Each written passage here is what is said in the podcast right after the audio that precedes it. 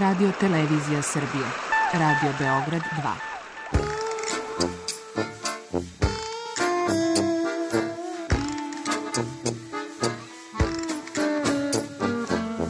Rekli su mi, gospodine, vi ste promašili temu. Pa ja sam onda promašio život. I ne znam šta će da bude sam. Kaže, ja ne mogu više te čuvam. Šta da ti radi, kaže, snađi se kako znaš. Mi smo kao u kafesu. Za nas to je najmrtvo. To je mrtvo za nas, naročito. I ja bih želela neko da me usvoji. To bih želela. Govori da bih te video. Program dokumentarnog zvuka.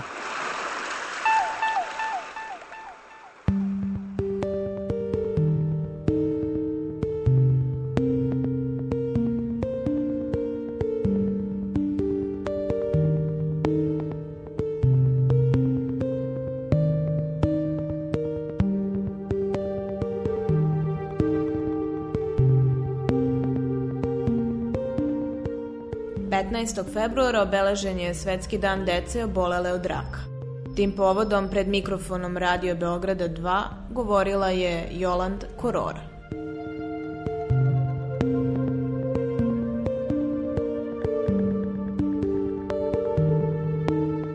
Moje ime je Joland Korora, ime koje izaziva puno ovaj, nedoumica šta sam, prvo da li sam uopšte žensko ili muško, pošto nemam to A na kraju.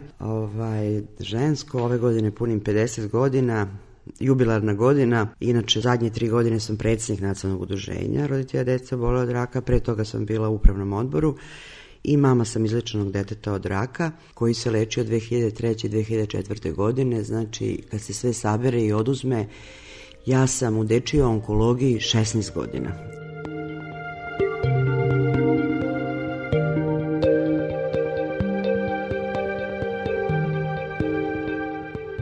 Ono što je važno da dodam i da napomenem jeste da sam sve vreme radila na fakultetu poljoprivrednom, da sam ja po struci master poljoprivrede i da sam radila kao stručni saradnik i da sam upredo sa tim volontirala i svaki dan popodne, veče ili noć uklapala moj život i moje porodične obaveze da bi svi bili podmireni. Često nije bilo lako, pogotovo što ja nisam imala razumevanja na fakultetu poljoprivrednom, sa kog sam i otišla u septembru prošle godine.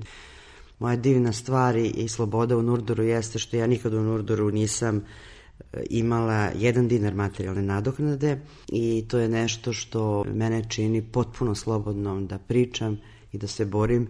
Kad dogod te neko ne plaća, imaš tu sjajnu slobodu. Morala sam naravno da nađem odma drugi posao i sada radim u, u gradskoj upravi za socijalnu dečiju zaštitu, jer muž i ja živimo od naših tih plata, a sve ovo ostalo što radim u Nurdoru ovoliko dugo, negde sam pokušala da izbrojim, preko 5000 volonterskih sati imam.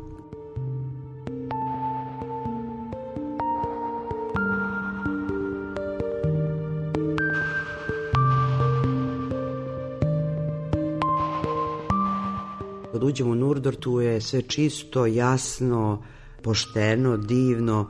Tu sve mame, svi smo isti u stvari, bez obzira kog su nivoje obrazovanja, koliko su bogate, koje su boje kože, kako se zovu, koje su nacionalnosti. Tu smo sve iste i tu osjećamo istu onu jaku, neverovatno ogromnu životinsku želju da nam dete ostane živo, jer svi godinama u stvari na na jednoj klackalici života i smrti. Da li će dete ostati živo ili će umreti. Tako da sa tim se budite, ujutru sa tim ležete uveče i to tako traje minimum pet godina, kada je sve u redu. Tek posle pet godina vam kažu da, da vam se dete izlečilo i tek tada možete da nastavite, da pokušate da nastavite život normalno. Tada dolazi do ogromnog broja razvoda brakova, U ogromnom procentu se razvode brakovi zato što upravo posle pet godina usresređenosti samo na dete izgubi se taj e, supružnički partnerski odnos. Posle toga treba zaista im biti uporan, dosledan i želeti jako da se ponovo vratiš na stazu bračnu, na stazu ljubavi, na stazu strasti, svega onoga što se izgubilo za tih pet godina, zaista dug period. I svi prolazimo kroz to i ja sam prošla kroz, kroz tu krizu. Ja sam ostala sa svojim suprugom i sad imamo jaču i bolju vezu nego što, je, što smo imali pre 20 godina, ali da je bilo teško vratiti se ponovo na kolosek jeste. Jako, jako teško.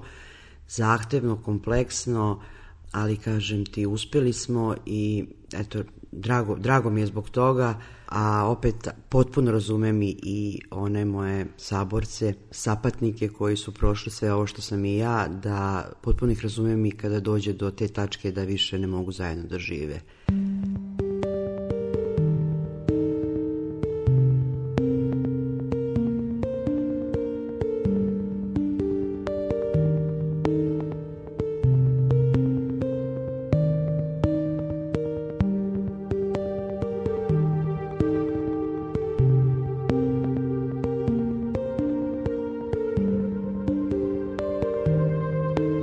Jako je malo roditelja koji ostanu u, u priči indirektno da pomažu ovo ko što radimo ovaj, nas nekolicina u Nurdoru, mogu slobno da kažem nekolicina. Mi godišnje imamo oko 350 novo diagnostifikovanih pacijenata, znači tu imate 350 mama, da ne pričamo sada koliko ovaj dece tu ostane živo, ali sigurno preko 200 roditelja, 250 bi moglo da se godišnje uključi.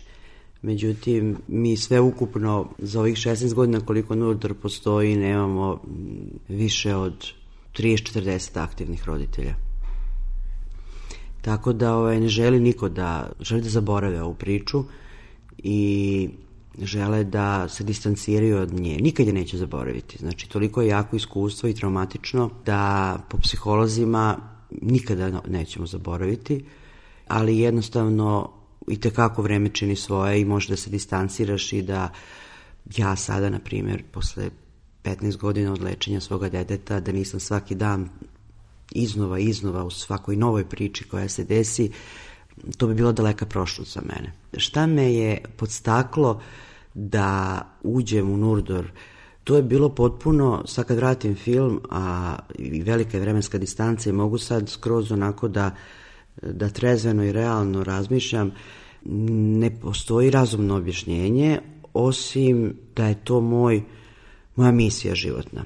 Stvarno ne mogu drugačije da objasnim zbog čega sam ja tako iscrpljena emocionalno i zdravstveno tada u tim trenucima kada je moje dete, eto napokon smo mogli da odahnemo, e, da sam se ja upustila u, u jednu oluju novih emocija, novih slučajeva, novih porodičnih priča, novih umiranja, novih pobeda, svega, novih ljudi. Najveći je tu efekat lično preživljena priča naša. E, to nam daje neverovatnu želju da, da uspemo i da pomognemo deci koja se sada leče. Instinkt roditelja, poriv i želja da spase svoje dete ili mlado unče, to se zna i kod životinja je tako, jeste takvo da e, roditelj dobija nadljudsku snagu da bi spasio svoje dete. Moj osjećaj je da stojim na čelu te jedne kolone fantastične koja je sastavljena od dece lečene od raka, izlečene, sada su to već deca koja imaju 25 30 godina, koja se žene i zovu me na svu svadbu, njihovih roditelja i volontera, ali zaista je Nurdor pokazao i dokaz je da mala grupa ljudi može da napravi velike stvari. A ovo zaista ne može da bude važnije od, od e, bilo čega da menjate uslove lečenja, kvalitet lečenja dece, da pomažete roditeljima, da pomažete deci, da, da gradite bolnice, da gradite roditeljske kuće. Mi smo promenili dva zakona. U našoj zemlji promeniti dva zakona je ogromna stvar jer znamo kako se teško menjaju, a to je zakon, zakon o rehabilitaciji i zakon o bolovanju.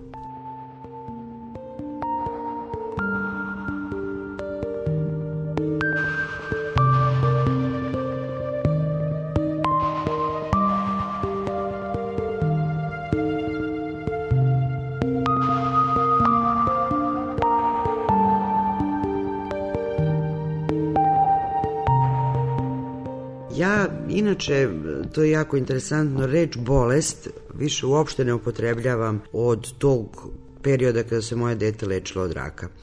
Meni prehlade, viroze, kad neko kaže bolestan sam, a misli da je pod virozom ili gripom ili prehladom. Ja kažem, nisi bolestan, nego si prehlađen. Znači, percepcija nam se potpuno menja i pogled na, na strašne, velike stvari i bitne stvari. Više ti je samo bitno da, da si zdrav, a nije ti baš bitno da li ćeš imati novca toliko ili ne, kao što ti je bilo pre bitno. Isto tako, pogled na, na život, na, na veru, na na jednostavno sudbinu, na, na sve ono što pre svega ovoga uopšte nisi razmišljao i mislio se da se možda nekom drugom dešava i, i to, to je isto jako važno da znamo da da znamo da u stvari ne znamo kada ćemo mi biti sledeći koji ćemo tražiti pomoć i podršku. Ništa ne traje večno, taj krug se okreće i, i ona divna ona ovaj, poruka sa onim dvema kutijama kad ti je teško otvoriš kutiju i piše i ovo će proći. Kad ti je jako dobro, opet otvoriš kutiju i piše i ovo će proći. Samo to da čovek utuvi u glavu, da apsolutno je sve prolazno i da ni, ni, ni velike, velike iskušenja, ni velike strašne stvari, ni s druge strane lepe stvari, ni puno novca, ni dobar posao, ništa nije zagarantovano, da je se sve da se sve menja i da je sve relativno. Meni je u stvari to predivno koliko sam ja, zahvaljujući jednom ogromno teškom i bolnom životnom iskustvu i iskušenju, postala e, izrasla u e, osobu mnogo mirniju, mnogo duhovniju, mnogo tolerantniju nego što sam bila pre.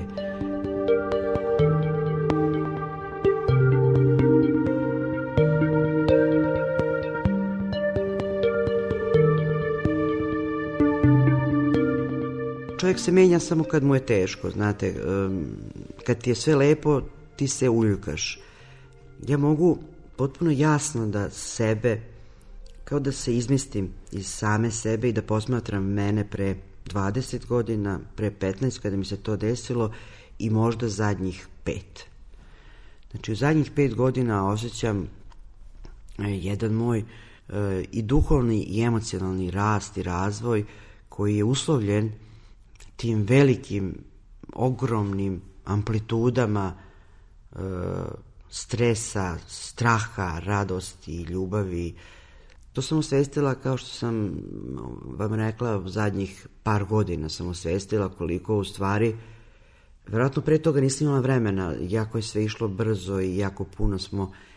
I onda ovaj, dođeš i shvatiš da više uopšte ne posmatraš ljude ograničeno, da ti je bolesno dete, svako bolesno dete, bilo crnac, kinez, beo, žut, srbin ili bilo ko drugi, to mi je, to mi je toliko sad divno što sam se ja prosto izdigla.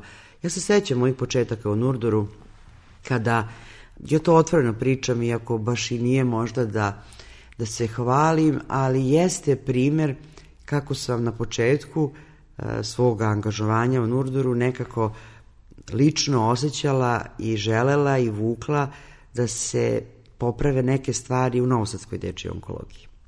Zato što se moje dete tu lečilo i zato što sam bila emotivno vezana i osjećala sam, i to ništa nije bilo loše što sam ja osjećala da imam dug da tom odeljenju i tim medicinskim, medicinskom osoblju da njima pomognem. Nije to loše bilo.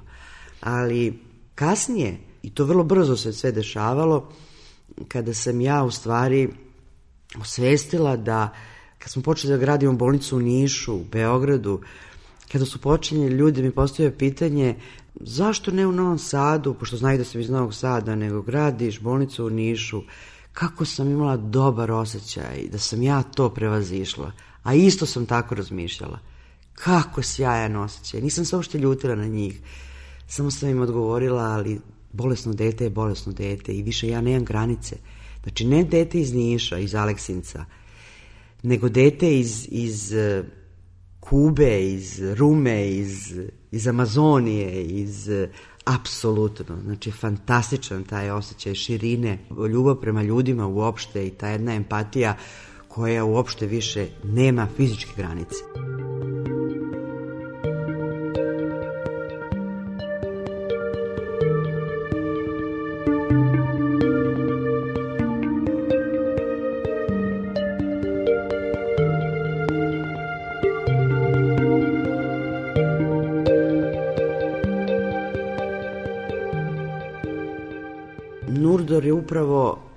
Čemu svakoga dana radi jeste da, da približi ljudima koji nemaju problem maligniteta, da im približi problematiku dečeg maligniteta, problematiku sve naše borbe sa kojom ovaj, koje vodimo.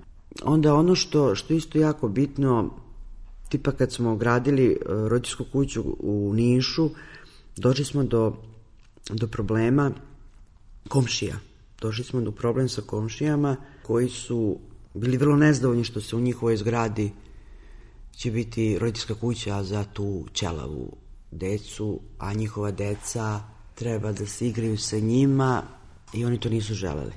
Mislim, ne moraju da se igraju, ali kad izađu u taj parkić ispred će susret, susretati se s tom decom. To je jedan od, od, to se dešavalo, sigurno ima 8-9 godina, ali sad sam se setila jer je to možda za mene jedan od e, najtežih trenutaka, odnosno najviše sam bila ljuta tada.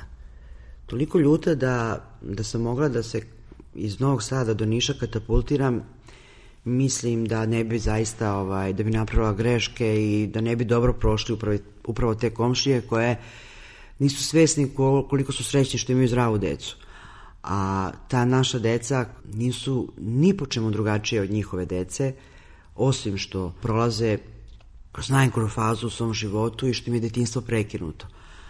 Prekinuto ovaj, i što primaju invazivne terapije i što, i što se fizički izobliče, što se promene, ali oni su isto de, deca kao i njihova sa istom željom da se igraju, sa istom željom da se raduju, sa istom željom da, da izađu napolje u parkić, a sve im je to prekinuto.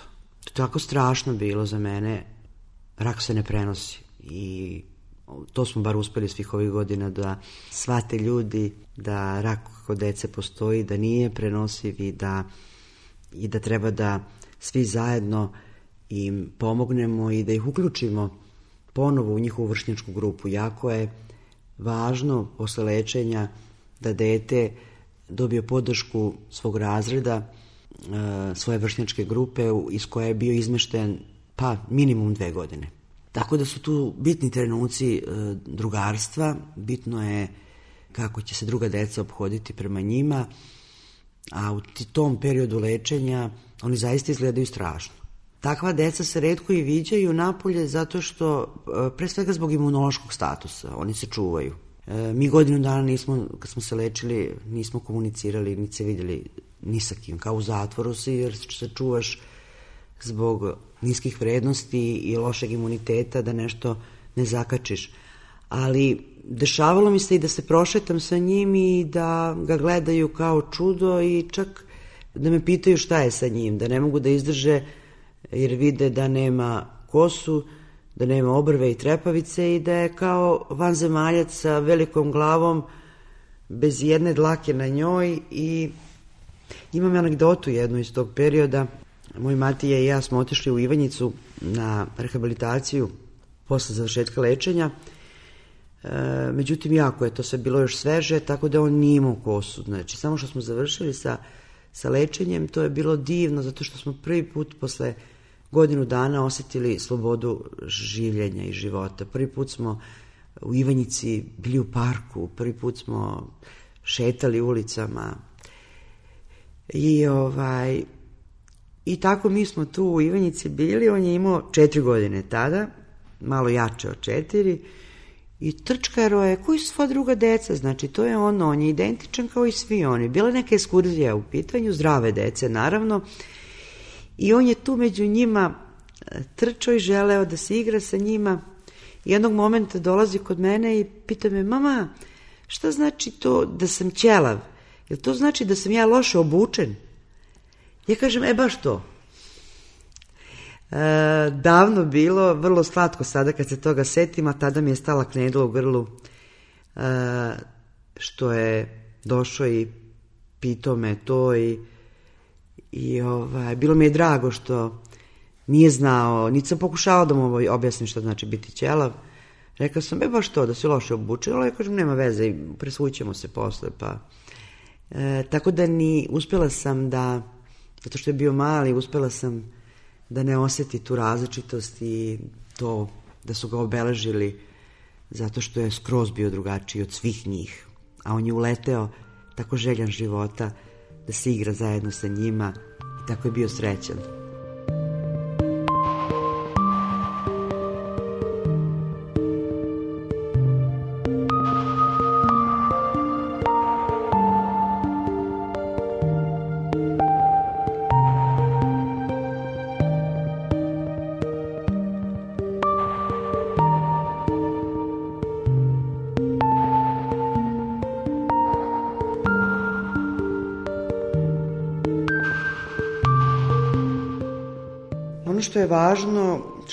Jedan od možda vrlo bitnih stvari jesu roditeljske kuće Nurdorove u kojima su smeštena deca i njihovi roditelji koji se leče u gradu, a ne žive u tom gradu, znači dolaze iz, iz unutrašnjosti. Nurdor ima pet roditeljskih kuća, jednu u Nišu, tri u Beogradu i jednu u Novom Sadu, odnosno u Petrovaradinu, u kojoj se mi trenutno nalazimo hiljadu kvadrata prostora, jedno veliko prostranstvo i ovu kuću deca zovu lepom kućom.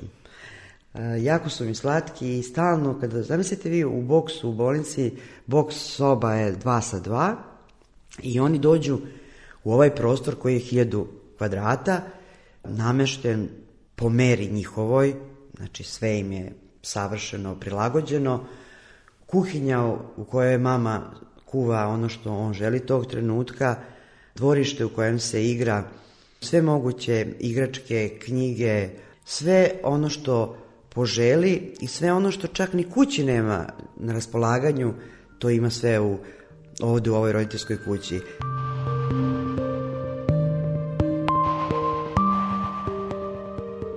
U ovoj našoj kući u kojoj se trenutno nalazimo je smeštaj našlo preko 100 porodica. To je nešto što oni tu podršku ne zaboravljaju nikada i kada završe sa lečenjem dođu da nas vide samo na kafu jer su ovde našli utehu. Ovde su našli osim toga besplatnog smeštaja, našli su nas koji smo im bili psihološka podrška. E to je segment koji je u stvari najvažniji. E tu sada stupam na snagu ja kao roditelj pomagač, kao roditelj koji stane ispred njih i kaže oni kad me prvi put vide ne znaju ko sam, ali kada gledaju me onako bledo i onda ja kažem ja sam roditelj izlečenog deteta od raka, ta faca u trenutku promena na njihovom licu, to je jedan trenutak kada sva barijera između mene i tog roditelja, te mame, nestaje i mi tog trenutka postajemo rod rođeni, jer dok lečite dete, u tim trenucima vas niko ne može razumeti bolje od onog ko je prošao sve to. Tada ovaj, uglavnom ide pokazivanje matine slike, kako je velik, zdrav, prav momak od 19,5 godina, visok 187, eh, gde po njemu sada zaista ne bi čovjek rekao ni da, ni da je grip preležao, a kamoli rak. I tog trenutka, u stvari, njihovo to ozareno lice, eh, vraćanje tog optimizma, Evo ja se i sad ježem dok pričam sa vama, a koliko sam godina i koliko sam takvih razgovora imala nebrojano, e, su stvari divni, najljepši trenuci. I to je ono što me drži da ja ne smem da odem iz Nurdora. Tako da onako osjećam, prepliče mi se to i, i moje lično i, i moje generalno ovde u Nurdoru, jer sam dugo već ovde godina i prosto smatram ovo deo mog drugog života koji je toliko dominantan da čak nekad je mnogo važniji od, od moje profesije i u krajem slučaju ogromne stvari su se uradile.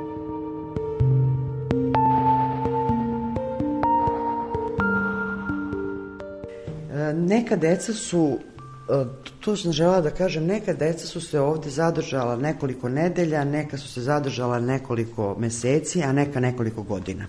dvoje dece koje mi jako, ovaj, su mi uvek u glavi i uvek kada dođem ovde uveče sama, osjećam njihovo prisustvo, Miloš Markov i Jelena Takić.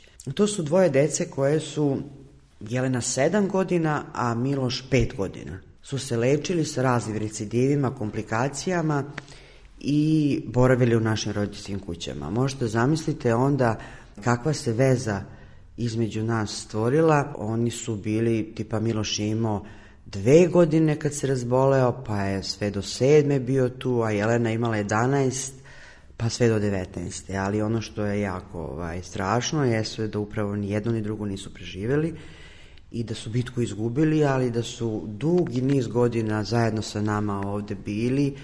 I njihovo prisustvo osjećam ovaj, kad sam sama ovde, ali osjećam ga na onaj lep način, osjećam ljubav. Tako da eto, njih dvoje su mi sad pali na pamet, ovde smo sad u boravku dnevnom koji je stvarno ogroman i njima prilagođen. I ono što krasi ovu kuću je jedna botanička bašta ili ti staklena bašta koje su palme, evo sad ćemo da, da sad ćemo da baš uđemo na čak se ovaj ovde čuje kako pada kišica. Ovo, ovo smo zatekli ovako. Kuću smo dobili kao zadužbinu od uh, Miodraga Kostića i stvarno veliko hvala i ova bašta u kojoj se nalazimo je još izgleda onako kako je on napravio sa palmama i sa muškatlama koje je njegova mama Rosa, koja je živa i jako se radujem ovaj, što su uspele muškatle, od 2013. godine smo u ovoj kući, e, uspeli smo da sačuvamo baba Rosine muškatle. Ona ih je sadila i kad dođe Miodrag Kostić, ovaj, ja sam srećna kad mu kažem, evo još su žive baka Rosine muškatle, I onda on to njoj kaže kad ode, kad je vidi i onda i ona srećna. I koliko puta sam rekao, nek dođe da vidi svoje muškatle. Evo sam još duđemo i ovde u, u ovu igronicu. U stvari ovde je bio bazen. Ovde, ovde je bio bazen. Zatvorili smo ga naravno, ali zato smo pretvorili uh, ovaj prostor u jednu igronicu, prepunu igračaka i ovaj dvorac na naduvavanje koji obožavaju i tu se oni igraju i najviše kad im dođe bata ili seka vikendom, jer je roditeljska kuća značajna još iz jednog razloga koji je jako bitan, a to je spajanje porodice, da bi drugi roditelj ili brat ili sestra koja je zdravo mogo da dođe i da provede vikend sa mamom i sa sekom ili sa batom, jer jako dugotrajno lečenje u stvari dovodi do toga da zdravo dete koje ostane kući bude vrlo usamljeno, tužno i da čak možda da se izrode i neke psihičke kasnije ovaj, neki, neki problemi. Ovde u kući oni imaju mogućnost da provedu dva dana zajedno, noći, da mama kuva, a onda oni sa batom dovedu ovde u igronicu pa se prave važni, a onda oni te motore sve pale, govore im. To je onda tako interesantno ih posmatrati, a oni su kao osjećaju kao domaćini, pa onda oni to pokazuju, pa, pa vidiš ovo, pa vidiš ono. Svega toga nije bilo kad smo se moje dete i ja lečili, svega toga je nedostajalo i to je jedan od razloga što sam možda zakoračila u sve ovo, a posle su razlozi se sami nametali i gurala sam dalje šireći svest, šireći ovu armiju predivnih ljudi.